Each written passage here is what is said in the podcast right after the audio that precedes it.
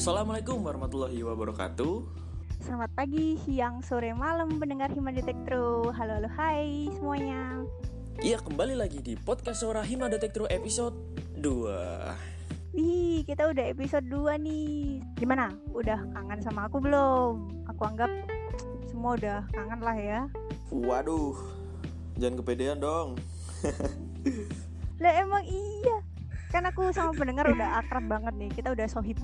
Emang sih tuh udah kenalan sama pendengar. Hmm, ya belum sih. Tapi gini ya Chris ya, harus ya di episode pertama kan yang ngawalin kominfo gitu kan. ya udahlah. Ya mungkin teman-teman udah nggak asing dengan suara ini, mungkin agak sedikit berbeda di kehidupan nyata mungkin. ya kenalin, namaku Denta, perwakilan dari Kominfo Hima Detektro. Yap. Oke, berhubung Denta udah kenalan, yaudah next aja lah ya. Wih, wih, wih, wih. Anda ini jangan mentang-mentang udah nge-podcast di episode pertama gitu ya. Terus Anda nggak kenalan lagi di episode kedua gitu ya. Ya kenalan lah, formalitas. Yaudah, yaudah. Nih kalian pasti udah kenal aku kan, Re? Kalau belum, berarti kalian belum nonton podcast episode yang pertama. Ayo, mending nonton deh sekarang. Oke, aku Nah, kasih tahu, aku kasih tahu sekali lagi. Jadi pemilik suara mengemaskan ini adalah Grace. Nah, mungkin kalian ada yang belum sempat dengar podcast episode pertama kami kemarin. Kalian bisa cek di Spotify kami, podcast Suara Hima Detektro. Atau kalian bisa cek di IG kami, Detektro underscore ITS. Jangan lupa di follow. Awas kalau nggak follow ya. Ya, ntar ada muncul di bawah ini, guys. Ya. Mohon maaf ibu ini podcast ya. Tolong kerjasamanya ya. Tolong banget. Yaudah, yaudah. Kita udah kenalan nih. Oh iya, kita habis ini bahas apa sih? Oke, jadi di episode kedua kali ini kita bakal bahas tentang petualangan alumni Detektro 1.0. Yeay. Keren, kayak Dora di Explorer gitu ya. Iya dong pastinya. Apalagi di episode kali ini kita sudah kedatangan tamu spesial. Wih, siapa siapa? Cowok apa cewek? Masih kuliah apa udah kerja? Udah nikah apa belum? Gimana gimana? Kasih tahu dong. Wah, banyak banget ya pertanyaannya. Daripada kamu banyak nanya nih ya, mendingan kamu panggil deh special guest kita. Yo, yaudah yaudah. Mana nih? Halo, Mbak, permisi. Tok tok tok. Halo. Halo. Dikira tim bedah rumah aja ya. Siapa ya? Halo passwordnya. Eh, Cuma kue kopi. ya ampun. Aduh. Nggak genda kan? Image kerusakan di awal-awal udah lu kue kopi. Selamat Halo juga semuanya. Oke. Halo Mbak, kenalin. Halo. Nama aku Denta. Halo Denta. Hai. Grace Oke. kenalan. Satunya siapa nih? Cewek. Oh iya. Halo Mbak. Ini di sini Grace. Halo Grace, salam Iya. kenal. Salam kenal Mbak. Dan salam kenal juga buat buat Ya. angkatan berapa ini ya? Udah lama. udah. Kayak kita masih muda lah Mbak ya. Iya, ya udahlah dedek-dedek ataupun uh, teman-teman juga yang ngedengerin podcast ini. Nama aku Angela Roberto Wah di Instagram. Kok langsung promosi ya? boleh boleh silakan. Langsung melonjak. Boleh di follow langsung ya at Angela A. Roberto. Dipanggilnya Angel, Oke. angkatan 2013, udah cukup lama. Sekarang sekarang statusnya udah kerja di salah satu perusahaan di Kalimantan Timur. Wih, jauh ya. Wow, keren. jauh sekali. Perantau nih ceritanya ya. Rantau. Ya, itu some- something to tell sih. Makanya malam hari ini katanya mau dengar-dengar cerita alumni ya kan? Iya bener banget. Yoi. Oke, nanti kalian pancing aja, aku pasti cerita banyak. Oke. Siap, siap. Oke. Oh ya tapi kabarnya Mbak ini baik kan ya di di Bontang sana? Baik, baik puji Tuhan. Di- Asli mana? Mbak? aslinya aslinya Surabaya. Oke, Surabaya. Berarti Sejak- kita Lahir di Surabaya sampai sampai 2017 di Surabaya baru akhir tahun. Kemudian tiba-tiba harus pindah ke sini. oke. Jauh sekali ya bendanya. Jauh. Berarti di Iya, sana sendirian ya, Mbak? Atau sama keluarga? Iya, sendirian. Oh, sendirian. Wah. Temenin Den sana. Asik. Waduh. OTW. BTW Mbak, kesibukannya Ya. apa nih di sana? di Sibukannya Kalimantan? sekarang ya kerja sih tentunya Eh, terus ya nggak ada sih palingan kerja terus kalau lagi bosen ya main musik atau ngapain pokoknya ya mengisi waktu eh nggak deh Eh, lupa aku sampean aku kuliah Uh. Oh kuliah lagi? iya aku lanjutin S1 Oke. Di mana Mbak kuliahnya? Lanjut. di binus aku ambil binus online kan jadi bisa Oh. PJJ bisa. PJJ. Keren keren keren. Iya sih pernah denger ada binus online gitu. Soalnya temanku ada yang dia kayak double degree gitu satunya binus online. Ada juga yang kayak gitu ada yang sekali kuliah tuh langsung dua nanti gelarnya dapat dua tapi aku sih satu aja ya satu aja susah udah mahal lagi Satu dulu siapa tahu besok-besok kan nambah Iya. lagi gitu kan. amin walaupun belum berencana sih iya. Berarti di PT apa Mbak? Maaf tadi PT Badak. aku di Badak LNG Oke, Badak LNG. Nah, itu Hmm. sebagai apa Mbak di sana? Eh, kerjanya di sini sebagai humas Eh, lengkapnya sih sebagai internal external officer jadi kalau misalkan ada company gitu ya aku bertanggung jawab untuk menyelenggarakan kegiatan eh, IO gitu ya. Itu koordinatornya aku. Kemudian kalau misalkan ada tamu kunjungan dari mulai TK SD SMP sampai eh, pejabat-pejabat tinggi kayak direksinya tamu-tamu terus orang dari luar negeri terus eh, pemerintahan bahkan sampai presiden pun kalau misalkan berkunjung ke sini ke Badak LNG nanti timku yang gitu. Wih. terus selain itu juga eh, kalau ada apa sih kita berhubungan juga sama masyarakat gitu kalau ada kegiatan-kegiatan ormas atau koordinasi sama Pemda sama TNI Polri itu juga tugasku Makanya enak. Enak banget ya tugasnya ya. Keren tapi wih, bisa kenal sama orang-orang ini Iya. koneksinya banyak banget Iya, pasti nih. Berhubungan dengan orang banyak. Kalau di di sana ada safety induction gitu nggak sih? Harusnya ada ya. Itu bagian dari humas bukan sih? Ya itu salah satu tugasku juga. Jadi kalau misalkan ada tamu, salah satu SOP-nya ya itu dikenalin sama budayanya Badak. Kalau di, di sini tuh nggak boleh gimana atau harus mematuhi peraturan kayak gitu. Itu wajib sih. Hmm. Oh ya Mbak, ini Badak LNG itu Hmm. be- eh, apa namanya bergerak di bidang apa? Tuh pencairan gas alam deh. Oke. Boleh cerita sedikit? Oh boleh silakan. Oh, boleh sekali. Boleh sekali. Oh iya, Silakan dengan senang hati. cerita ya. Iya iya. Iya. Jadi gini, Badak LNG itu non profit company. Jadi anehnya ceritanya gini. Terus jadi kan kalau ada gas alam itu kan diambil dari sumur-sumur ya. Hmm. Nah, yang ngambil-ngambil ini kita namakan produser gas. Produser gasnya macam-macam. Ada Eni, tahu ya Eni ya, INI Itali. Terus apa namanya Pertamina. Pertamina juga macam-macam. Ada yang Pertamina Hulu Mahakam, ada yang Pertamina Iya, Hulu Kalimantan Timur. Terus eh, dan beberapa yang lainnya. Nah, kemudian dari sumur-sumur gas itu eh, gasnya dialirkan ke poin, meeting point terus nanti dari meeting point itu di- dialirkan lagi eh, pipa eh melalui pipa sampai ke eh, starting pointnya badak. Nah badak itu fungsinya untuk mencairkan. Kenapa sih gas alam tuh perlu dicairin sebelum dijual gitu kan? Karena eh, perbandingan volume antara gas itu dalam bentuk gas sama dalam bentuk cair itu perbandingannya satu banding 600 kalau nggak salah. Uh, Jadi kamu kalau misalkan mengangkut eh, dengan volume yang sama ya dengan dengan dengan kapasitas yang sama, kamu membutuhkan satu kapal berbanding dengan 600 kapal. Kalau misalkan itu masih dalam bentuk. Nah, itu kan nggak efisien. Makanya itu perlu dicairin.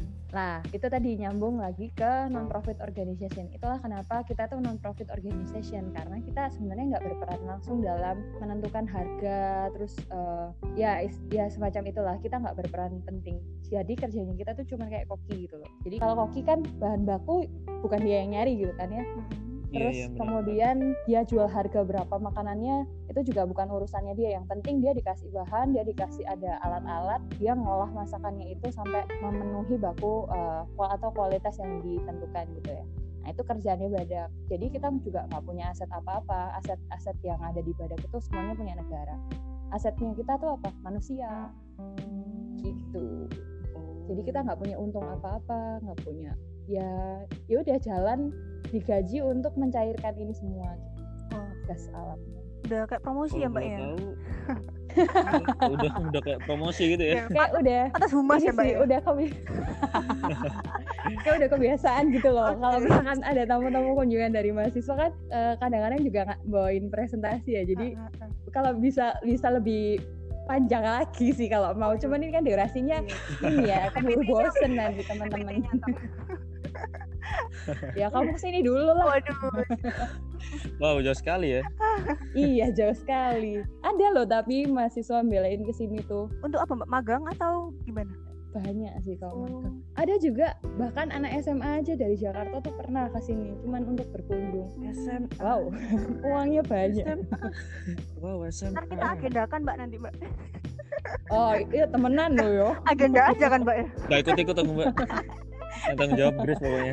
pokoknya ngelempar proposal lah dia perkara diterima atau enggak kan Iya, iya, keputusan nanti gitu ya. Berarti di situ Oke. ada anak magang gitu mbak. Ada misal anak ada ada banyak. Banyak kok yang dari ITS direkturku juga dari ITS alumni ITS O- Oke teman-teman pendengar bisa ini ya langsung proposalnya kirim ke Mbak Angela iya. Proposalnya proposalnya by DM gitu ya. Iya iya. by the way di situ alumni ITS banyak dan dan Hmm. solid sih Wah keren keren keren. Itu angkatanku kelebihan yang kita. detektor juga yang di Badak juga ada beberapa kok ada berapa ya satu dua tiga empat lima enam kalau nggak tujuh delapan wah banyak. Oh, banyak banyak banget ya ternyata ya. Oh, iya keren, keren, keren. dong kalian harus bangga guys Wah, siap Bangga siap. sekali nih. Langsung buat proposal sekarang nih mbak. kalian tahu kalian tahu nggak sih ini loh Badak itu penyumbang devisa tertinggi bag- baik bagi kota Bontang maupun dari eh bagi negara Indonesia Oh iya. sendiri Oh iya. iya Keren dong keren. Waktu dulu mbak masih ingat nggak sih kok bisa apa namanya interviewnya bisa jadi humas gitu masih ingat nggak mbak waktu dulu? Eh, ingat. kayak setiap pertanyaan Eh, dulu kan waktu apa namanya waktu lulus sebelum wisuda itu udah kerja dan emang harus bener-bener nyoba gitu loh nyoba nyoba pertama kali kerja. Nggak kepikiran bahwa harus idealis. Ya udahlah nyoba apa dulu. Jadi akhirnya terima di anak perusahaannya Semen Gresik. Jadi eh, retail care officer. Jadi kalau kasarannya itu admin area. Jadi kamu harus handling datanya pelanggan. Kalau waktu itu aku handle di wilayah Jawa Tengah. Jadi data customer terus hubungin mereka. Kalau misalkan ada kendala terkait eh, terkait penggunaan kartu atau Hmm. apa gitu. Aku handle itu selama enam bulan. Nah, pikirannya mungkin itu ya banyak ngomong. Padahal nggak sebenarnya nggak lebih ke datanya sih kalau aku. Habis gitu break kan Februari itu break terus itu waktu jalan enam bulan itu pun aku juga udah ngelakoni daftar ke PLN. Nah, terus udah udah berharap sangat berharap untuk ma- keterima di PLN kan udah sampai tahap ini gak apa-apa ya gak kalor ngidul ya nggak apa mbak. Gak apa-apa. Oke. Mbak, keluarin semua mbak.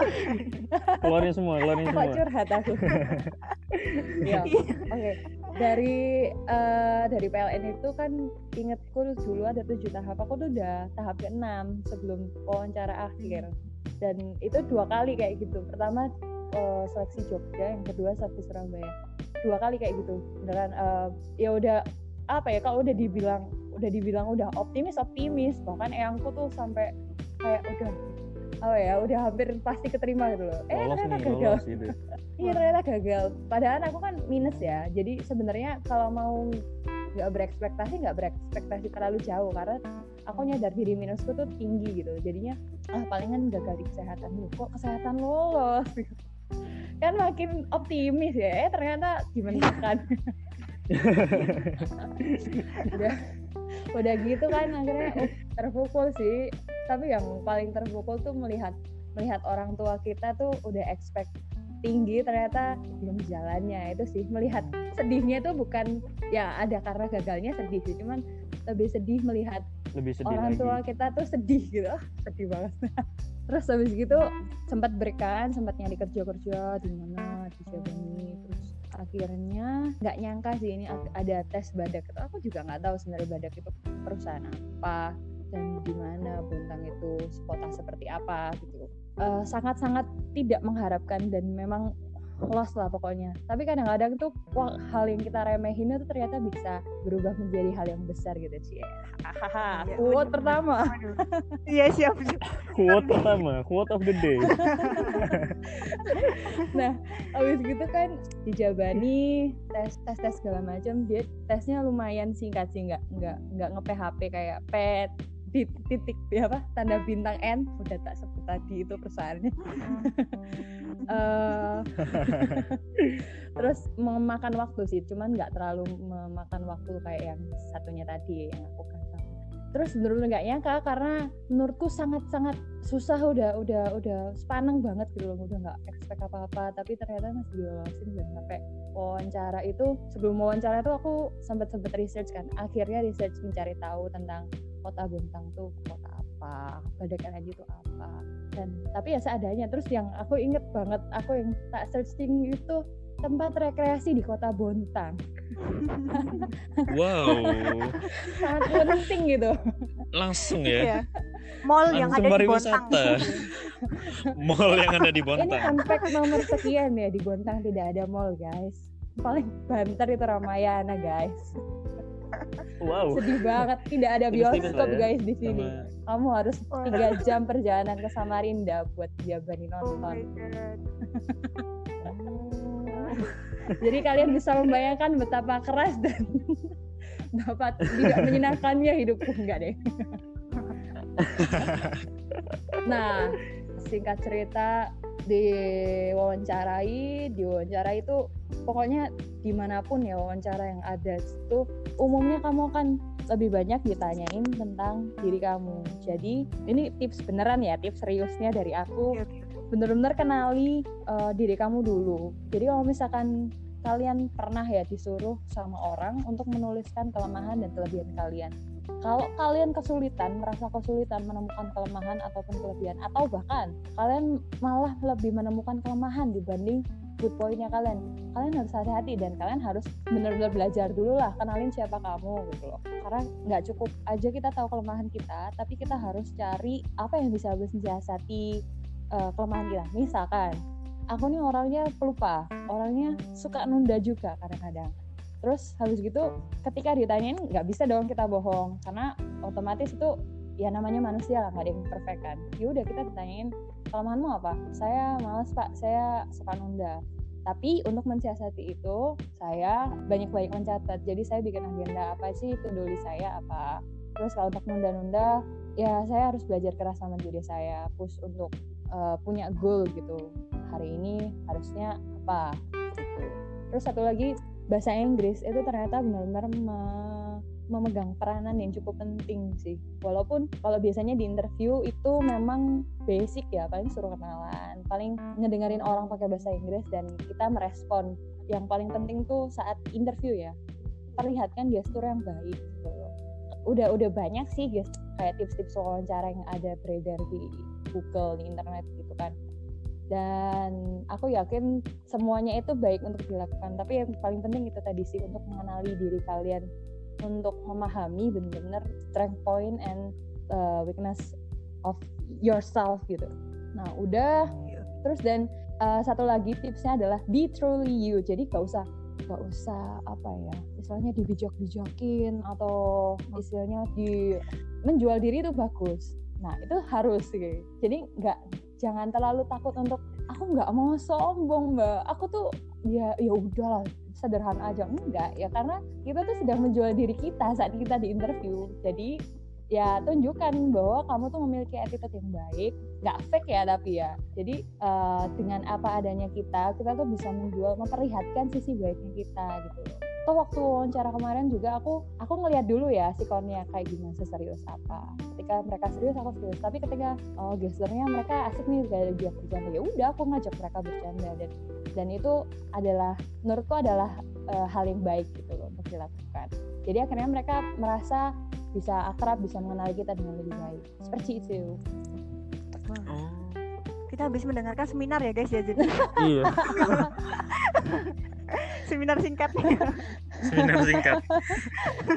btw mbak kan ada memang perusahaan yang menerapkan untuk adanya tes kesehatan nah kita tahu bahwa pola makan dan tidur mahasiswa ITS itu berantakan apalagi kalau misalnya makan malam nih kan makannya tuh kan di segitiga bermuda ya di Keputi, Gebang, Mulyos kayak gitu. Nah, menunya tuh juga sama. Penyetan, besoknya paling tahu tek, besoknya ganti lagi nasgor, kayak gitu-gitu kan yang kurang sehat lah intinya. Walaupun saya juga ya makan kayak gitu. nah, ada nggak sih Mbak kayak tips-tips yang bisa kita terapkan untuk menjelang tes kesehatan pada suatu perusahaan tersebut? Aduh, tes buat yang PLN itu aku saya benar-benar menjaga makananku nggak yang nggak yang apa ya apalagi waktu mau MCO itu ya aku nggak makan yang nggak dibolehin sama sekali. Aku minum air degan kan? Udah pasti ini sangat-sangat sakral kan? Udah pasti semua orang yang mau tes PLN melakukan itu kayak minum air degan olahraga terus nggak makan kuning telur. Dan aku uh, melakukan itu semua. Tapi ternyata setelah sekarang menyadari gitu ya ya orang tuh pengen tahu kamu sefit apa sih gitu loh jadi ya udah kalau misalkan ya ya apa ya saranku nggak bisa banyak-banyak sih. Kalau misalkan kalau misalkan kamu dasarnya dasarnya sehat ya sehat aja. Cuman ya ya jangan kebangetan gitu loh. Waktu semester akhir ngerjain TA tuh menurutku aku baru bener-bener bisa memulai kerjaku tuh jam 8 malam ke atas. Jadinya sering begadang. Kemudian kalau makan itu makan bener sih katanya si Denta tadi makan tuh bahkan nasi goreng sing 10 ewan sing banyak itu Nah, itu jam. 10 jam 11 malam baru makan. Terus kalau lagi nge, apa ngerjain apa rangkaian tugas akhir lagi budek tengah malam ke Indomaret Mulyosari habis itu tuku-tuku jajan beli soda Waduh. pokoknya hidupku jahat Soda. lah. Wow, jahat sekali. Soda loh. Ntar pagi-pagi terbang mbaknya. Iya, terus minum kopi lagi aku minum kopi Waduh. terus beneran sampai deg-degan gitu sampai udah mati gitu Mbak ya. sehat. Mbak sehat kan? gitu sekarang sehat Rek. udah bertobat Rek. soda soda plus kopi wow beneran guys Itu eksperimen. Eksperimen kimia. iya jadi kayak kayak baru kayak baru apa ya deg-degan banget deg deg deg deg gitu sampai jam tuh sampai jam berapa ya? Jam limaan lah. Jam limaan tuh aku baru nyoba tidur. Aku jadi sering sering nginep di Eljas itu ya. Sering jaga lab sendirian terus baru tidur jam 5 jam 4 jam 5an pagi. Habis itu paling kalau jam 8 ada kuliah jam 7 nya bangun terus numpang mandi di rumah siapa gitu terus gitu Oh, masih aja mandi lah ya mbak ya. Eh, Soalnya soalnya si Grace ini nggak pernah mandi, Mbak. Kayaknya, Hey. Mbak. Tolong Ah. jaga omongan anda. biarlah itu menjadi rahasia kita sebagai Oh, rahasia Mandi kita sebagai formalitas. wanita iya betul asalkan tetap wangi dan cantik kan Oke oh siap. Nggak ada- asalkan tugas akhirmu terlaksana dengan baik dan tidak ada trouble. Kadang-kadang waktu Nah. tugas akhir tuh budrek banget kan. Nggak nggak resistor kebalik aja. Resistor gak apa-apa dan kebalik. Maksudnya hal-hal yang sepele aja bisa jadi budreknya setengah mati gitu. Aku pernah gitu. Iya, gitu waktu tugas akhir. Kabelnya gak dicolok. Kesel gak sih? Konyol.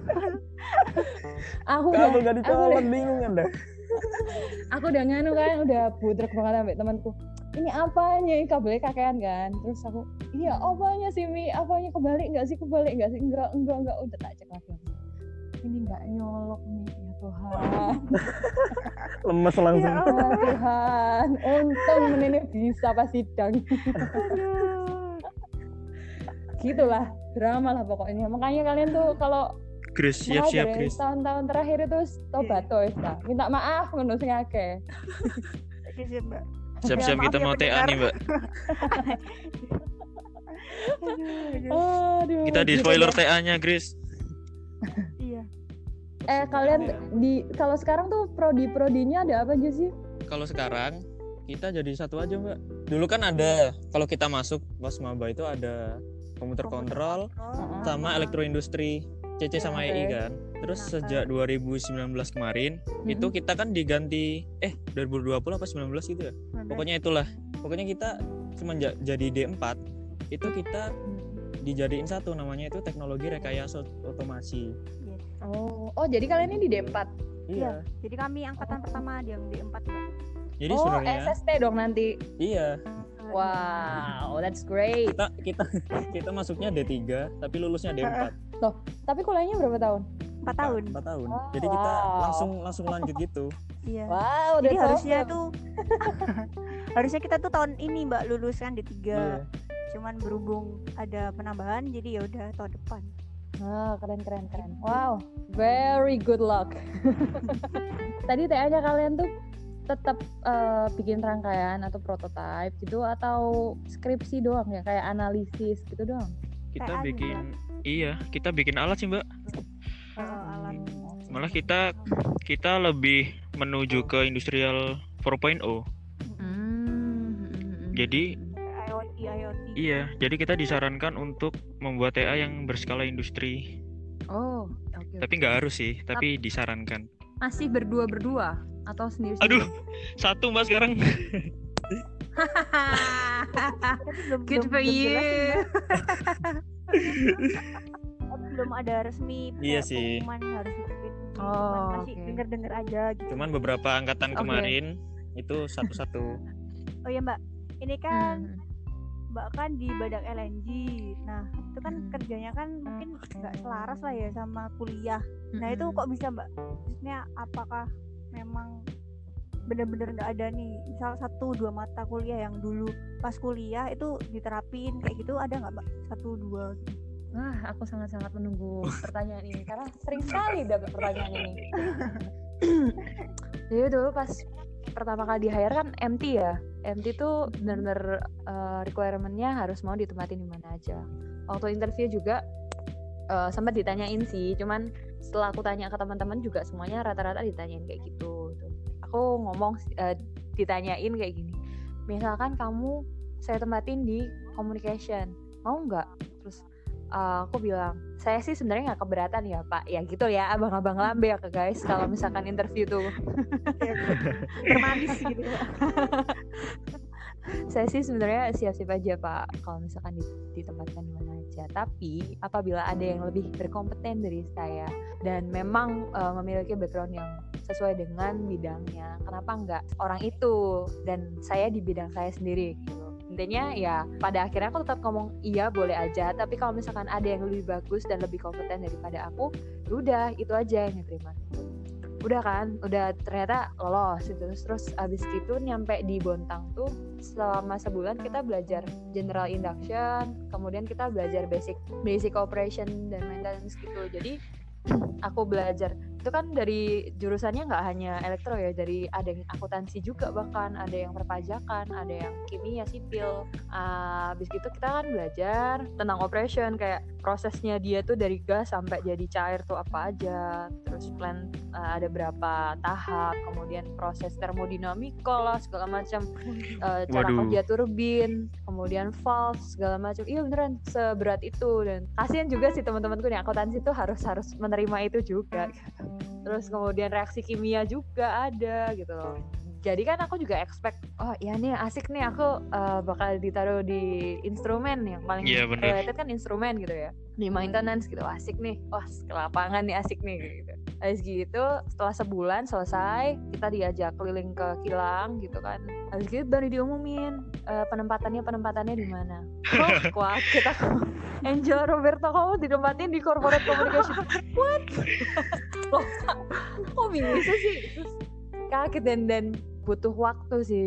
Sampai sekarang pun kalau mau jujur ya aku sebenarnya masih masih belum belum merasa percaya diri sebagai humas gitu. Karena nggak punya ilmunya dan kalaupun orang-orang bilang aku berapa kali nanya gitu loh ke temen-temenku aku aku tuh nggak bisa lihat apa sih yang dilihat orang-orang sampai berani nempatin aku di corporate communication. Karena bener-bener yang kita ha- hadapin itu gak sama kayak yang kita ngadepin mesin atau komputer yang satu nol walaupun banyak masalahnya tapi banyak alternatif solusinya. Tapi ya it leads to the exact way gitu loh. Jadi kalau misalkan ngadepin orang kita gak bisa nih kita nerapin salah satu solusi aja. Tapi kadang hari ini kayak gini besoknya berubah lagi besoknya berubah lagi dan setiap orang perlakuannya tuh nggak nggak sama gitu loh. Gila itu rasanya sama sekali nggak pede dan terus terang sih agak nggak terima pertamanya aku aku di sini terus apalagi setelah ada eh, angkatan-angkatan selanjutnya ada ternyata cewek juga ditempatinnya di di maintenance. Uh kesel banget kan apa aku kurang pinter gitu. Habis gitu ya udah sih tapi maksudnya yaudah dijalanin dulu yang ada di sini di dilakuin aja. Walaupun ya belajar belajar learning by doing akhirnya walaupun nggak? Menurutku aku belum belum juga maksimal gitu loh untuk belajar sebagai humas. Terus nah aku kan ini eh, sebenarnya passionnya lebih ke IT-nya dulu aku pingin masuk informatika tapi gak terima kan produk anak-anak yang gagal gitu loh ya kan? Gua dong nggak gagal. aku ya gagal Sama, SBMPTN gitu lah ya.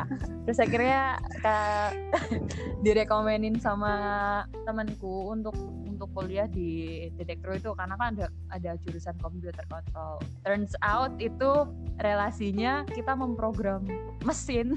Kita ngomong sama mesin gitu loh hubungannya mesin ke mesin gitu. Kalau eh sorry komputer ke mesin ternyata. Kalau yang informatika kan komputer ke manusia ke unit interface gitu. Iya.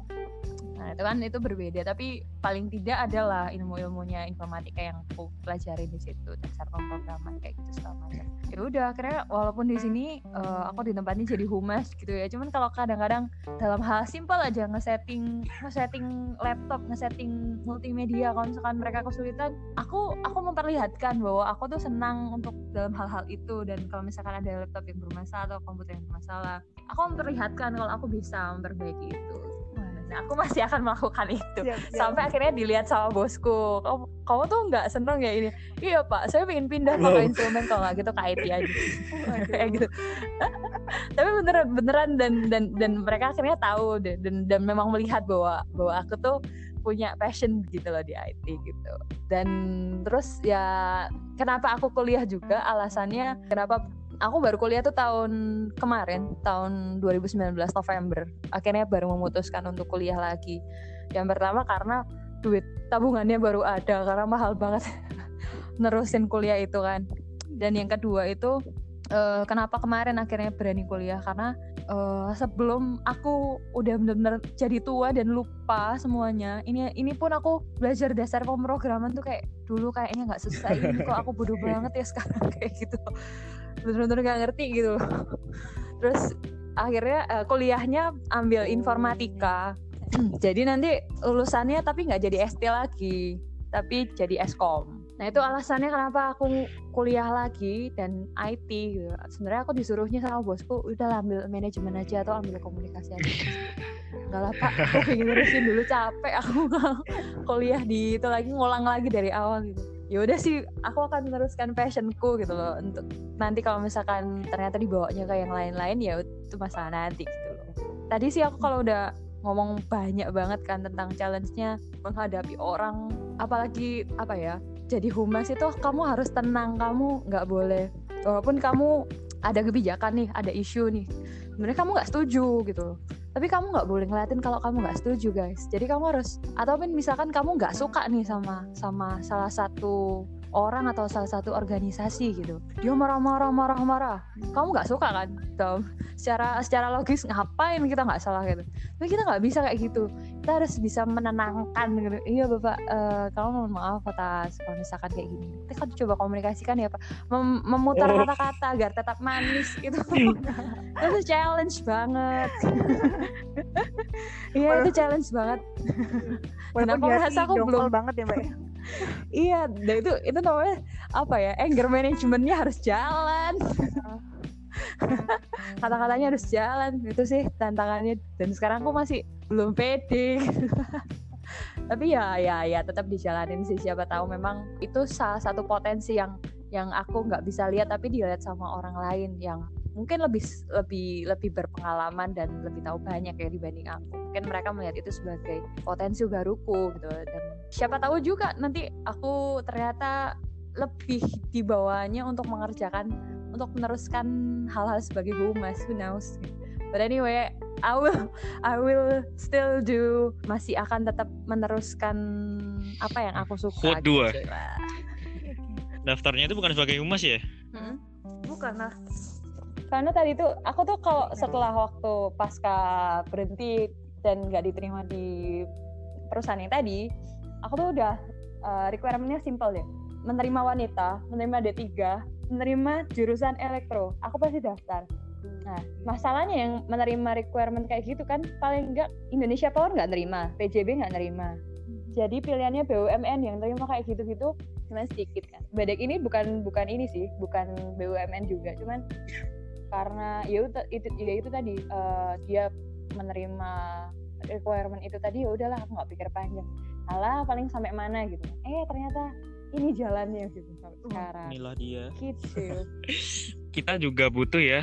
Mungkin kita butuh soft skill. Mungkin banyak ini soft skillnya mungkin gampang untuk ngomong sama orang. Nah itu mungkin teman-teman nih segera nih digali soft skillnya itu apa kayak gitu. Betul betul. Itu itu strong point sih. Maksudnya kita tuh pinter nggak cukup. Pinter tuh banyak. Apalagi di sini ya aku merasa aku bekerja dengan orang-orang yang sangat sangat brilian jadi aku selama di sini berapa kali merasa minder gitu loh karena orang-orang di sekeliling itu cerdas atau brilian banget gitu. Tapi kalau dipikir-pikir lagi mungkin yang menjadikan aku layak di sini karena aku punya soft skill gitu. Yang mungkin orang lain tidak semenonjol itu gitu. Mungkin dalam hal ini mereka bisa melihat bahwa aku sedikit lebih berkomunikasi lebih baik daripada mereka misalkan seperti itu. Nah itu penting guys. Itu juga walaupun sejujurnya waktu kuliah juga aku nggak oh hima hima nggak ya? Hima. Nggak ada yang aku himanya tuh cuman waktu tahun kedua itu jadi staff sosmas waktu tahun ketiga aku nggak jadi apa-apa cuman ngaslep aja. Terus eh, nggak uh, aktif juga di di bem apalagi pokoknya nggak aktif lah kayak gitu gituan di SMA pun di SMA sih osis juga nggak MPK juga nggak. Paling cuman eskul eskul gitu aja sih. Tapi tuh sangat-sangat penting untuk gak hanya sekadar kuliah cari ilmu tapi kamu juga uh, enrichmentnya dengan ikut ikut di sini masih, sekarang masih, masih, ada masih. LKMM TD Pratd gitu-gitu nggak? Masih masih mbak. Nah, apa ya waktu dulu sih aku males sih cuman kalau dipikir-pikir kayaknya itu juga bisa jadi ajang yang positif gitu loh untuk untuk mengembangkan untuk kalian tuh berani ngomong di depan banyak orang untuk mengungkapkan pendapat itu tuh penting loh ternyata waktu sekarang itu kalau kamu udah ber, terbiasa berbicara dengan banyak orang tuh kamu jadi nggak ragu-ragu ketika mau ngasih ide ke bosmu pak saya punya ide kayak gini-gini itu tuh ada kamu punya ketenangan gitu loh ketika kamu udah biasa ngelakuin kayak gitu tuh. Terus kalau misalkan kita istilahnya kita bisa ya menurutku sih emang komunikasi jadi hal yang sangat-sangat penting ya. Kalau kamu pede berkomunikasi dengan orang lain itu itu akan membawa orang juga nyaman gitu ter, untuk terbuka untuk untuk menyingkap maksudnya apa maunya kayak gimana gitu. Terus itu akan mempermudah kayak kita mau teamwork atau kita mau ngasih goal apa nih ayo kita capai bareng-bareng cara nyapainya gimana kayak gitu. Jadi kuliah itu penting untuk ya tentunya prioritas utamamu adalah mencari ilmu ya. Tapi nggak hanya jangan hanya puas untuk nyari ilmu dan selesai. Kalau perlu bertemanlah ya bertemanlah wajib. Jangan jadi kuliah pulang kuliah pulang dan apa namanya ya kupu-kupu. istilahnya dulu tuh ya kuliah pulang kuliah pulang. Iya mahasiswa mbambet iya kupu-kupu bambet. Apa sih? Iya iya iya. pokoknya gitu lah pokoknya apatis sorry apatis. Oh iya. jangan jadi anak yang apatis jangan jadi anak yang antisosial gitu udahlah temen lah maksudnya nikmati lah waktu-waktu saat kalian masih muda sekarang itu berteman sangat-sangat menyenangkan when things get more complicated you'll you'll get busy anyway so enjoy your enjoy your fun time with your friends or your Vote lovers lagi nih. Waduh. Halo. pokoknya ya itulah pokoknya banyak ya ternyata ya nilai-nilai itulah yang ya mungkin anyway. bisa kita terapin. Ini mbak dari tadi kan kita udah Oke, ya. ngobrolin ada yang lagi yang mau tentang tanyain? pengalaman mbak di Bontang gitu kan pengalaman gimana mbak kerjanya. Nah kita flashback gimana mbak? Mm-mm, Penga- dulu itu pengalaman apa sih mbak yang nggak bisa mbak Boleh. lupain waktu kuliah? Mostly tidak dapat dilupakan karena tiga tahun itu tiga tahun yang sangat sangat berat gitu ya. Apa ya secara mental juga itu proses banget sih waktu maba di kader. Kalau dipikir-pikir kenapa ya? Aku mau gitu buku angkatanku buku angkatanku dirobek. Eh bukan aku sih buku angkatan temenku dirobek. Satu kelompok cuman gara-gara tanda tanganku beda gitu. Kan bego ya. Habis gitu aku disuruh pulang disiram diiniin lah tapi itu maksudnya ya ya somehow ada gitu ada kan. fun-funnya juga sih sebenarnya. tapi ya iya bener-bener apa ya kalau yang paling berkesan sih waktu di asistensi nunggu jam 12 malam itu otak otaknya itu sebenarnya kayak ya udah nggak bisa sih nerima-nerima kayak gitu. Jadi kayaknya udah formalitas aja.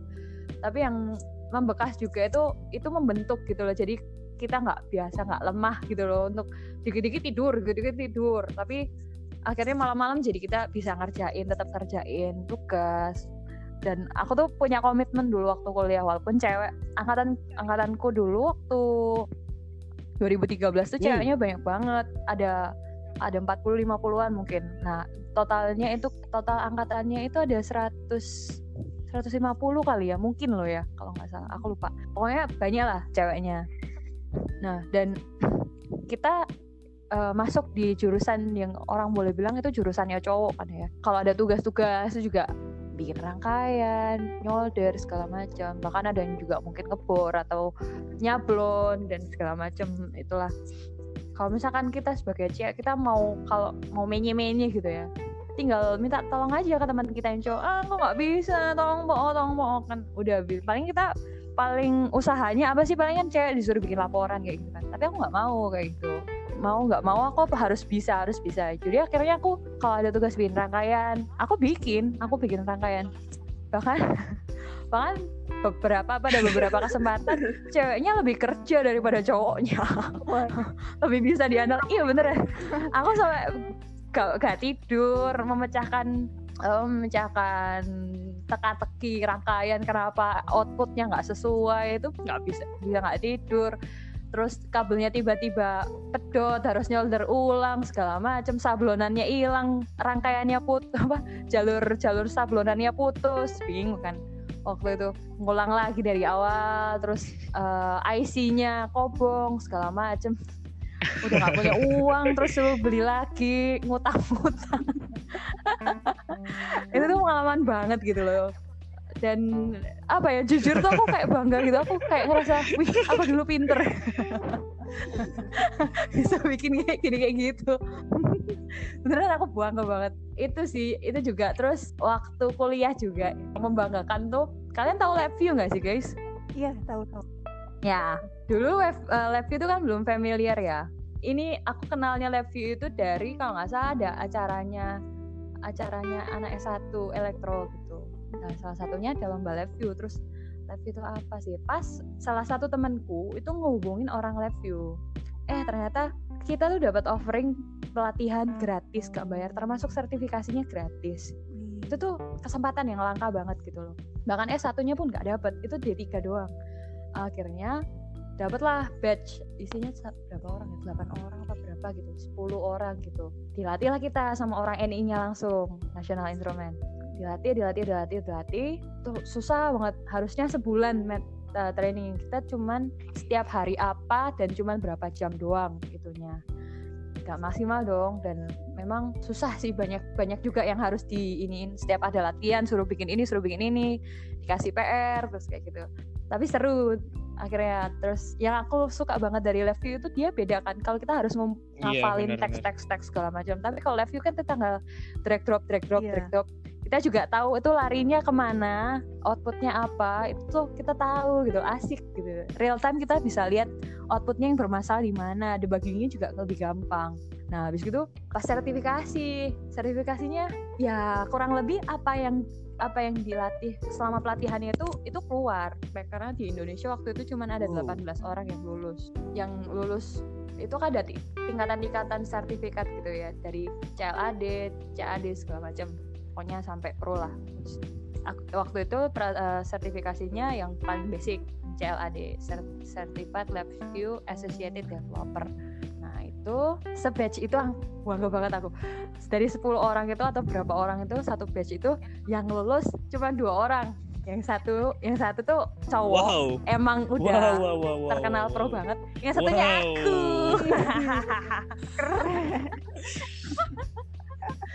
Terus aku buang kayak gitu. Akhirnya sama diajak ngerjain project kerja sama sama salah satu PT di Surabaya gitu untuk kerjain proyek. Aku nggak bisa bantu banyak sih, palingnya cuma bantu interface-nya, mempercantik interface-nya Keren sih, Mbak. paling apa. Keren, Tapi keren, ya lumayan keren, sih keren, itu keren. once life.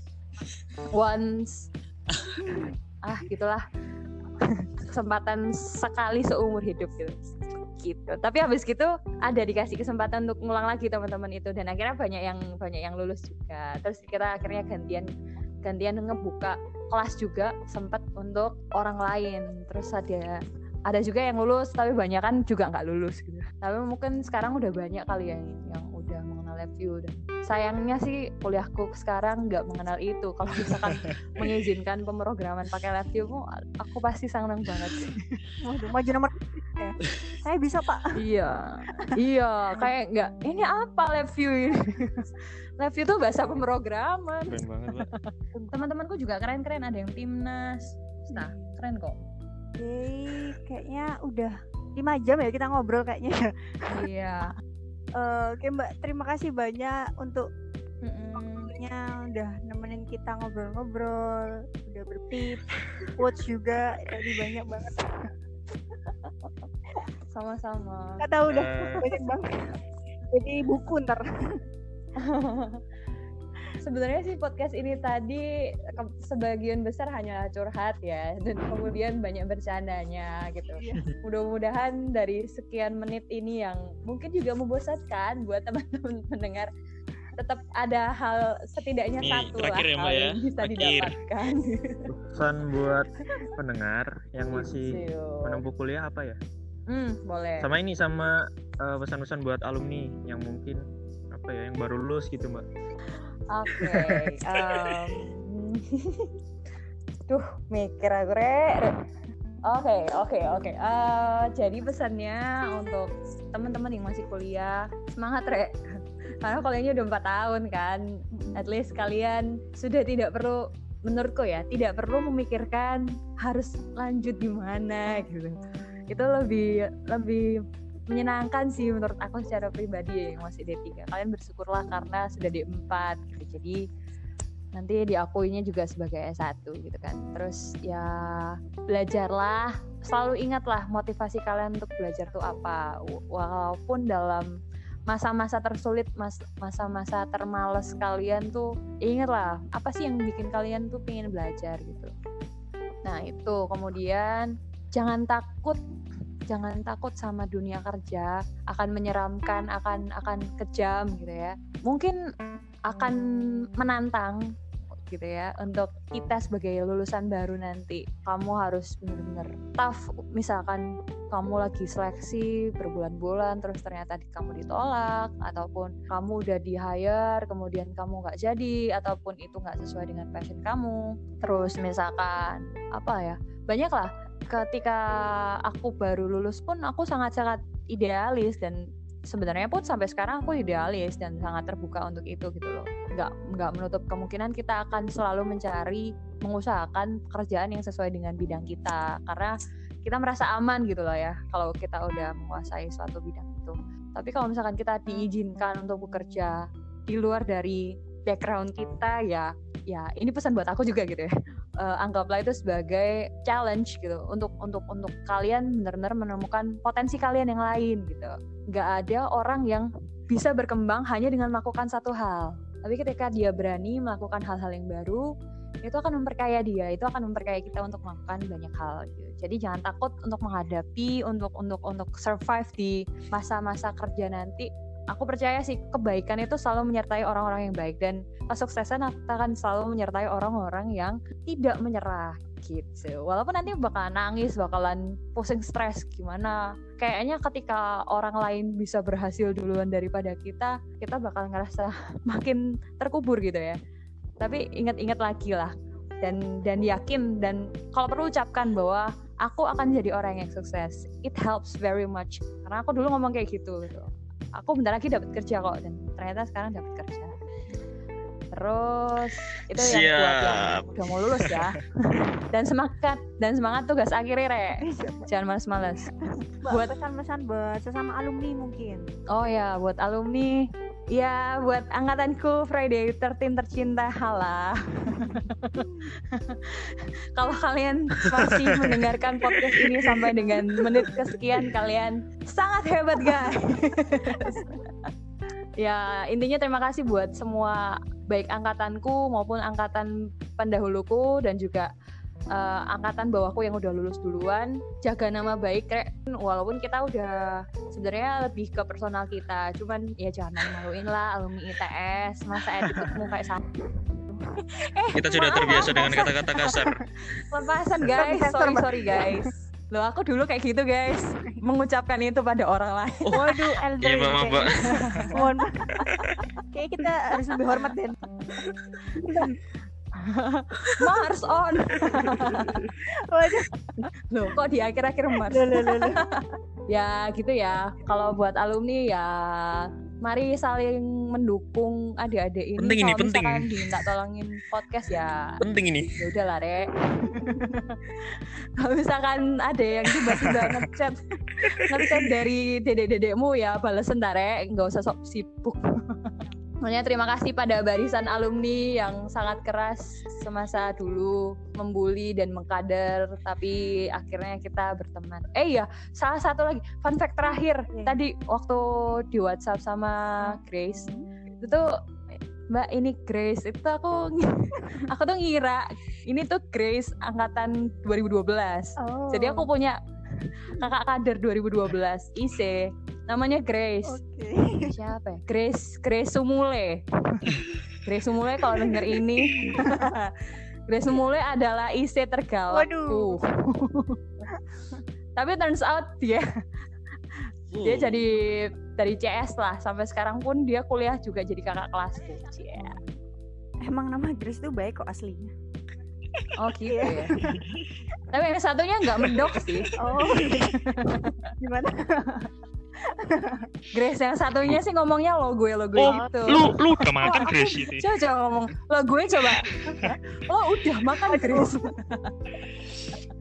aduh ya ampun ya Grace juga Denta buat kesempatannya.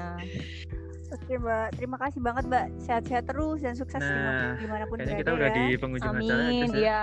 Sukses ya buat kalian semua. Ya, baik pendengar suara Hima Detektro.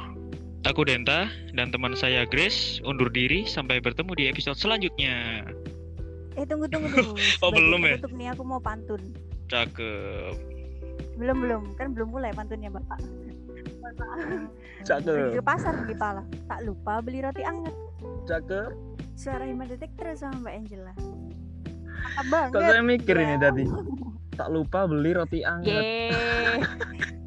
ya itulah pokoknya ya roti anget oke sampai ketemu suara Hima Detektor selanjutnya mendengar Dadah. dadah Dadah. dadah dadah selanjutnya mendengar. Dadah. dadah. Dadah. Dadah. Dadah. Dadah. Dadah. Dadah. Dadah Gimana selanjutnya mendengar Dadah. dadah. Dadah. Dadah. dadah. Dadah. Dadah. Dadah. Terus sama Mbak Angela Kok saya mikir Ya. ini tadi. Tak lupa beli roti anget. Yeay. anget gitu ya Iya, bikin gitu anget. iya ya itulah pokoknya ya roti anget oke sampai ketemu Rahimadek selanjutnya mendengar Dadah. dadah dadah dadah dadah dadah Rahimatik selanjutnya mendengar dadah. Dadah. Dadah. Ya itulah pokoknya ya roti anget. Oke sampai ketemu Rahimatik selanjutnya mendengar dadah. Dadah. Dadah. Eh tunggu tunggu tunggu. Oh, Sebagai belum ya? penutup nih aku mau pantun. Cakep.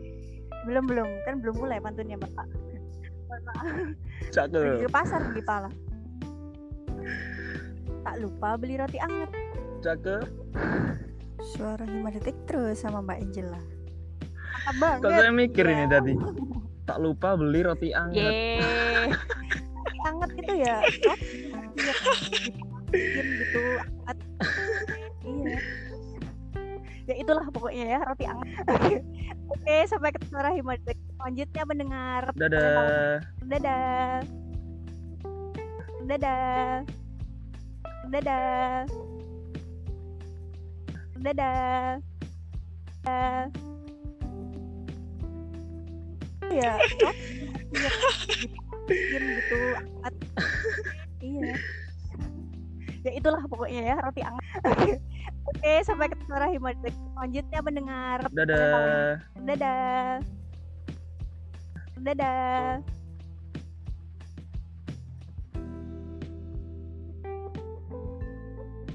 Dadah. Suara himadetik terus sama Mbak Angela. Kok saya mikir ini Ya. tadi? Tak lupa beli roti anget. Yeay. anget gitu ya. Iya. Gitu anget iya. Ya itulah pokoknya ya roti anget. Oke sampai ketemu Rahima selanjutnya mendengar. Dadah. Dadah. Dadah. Dadah.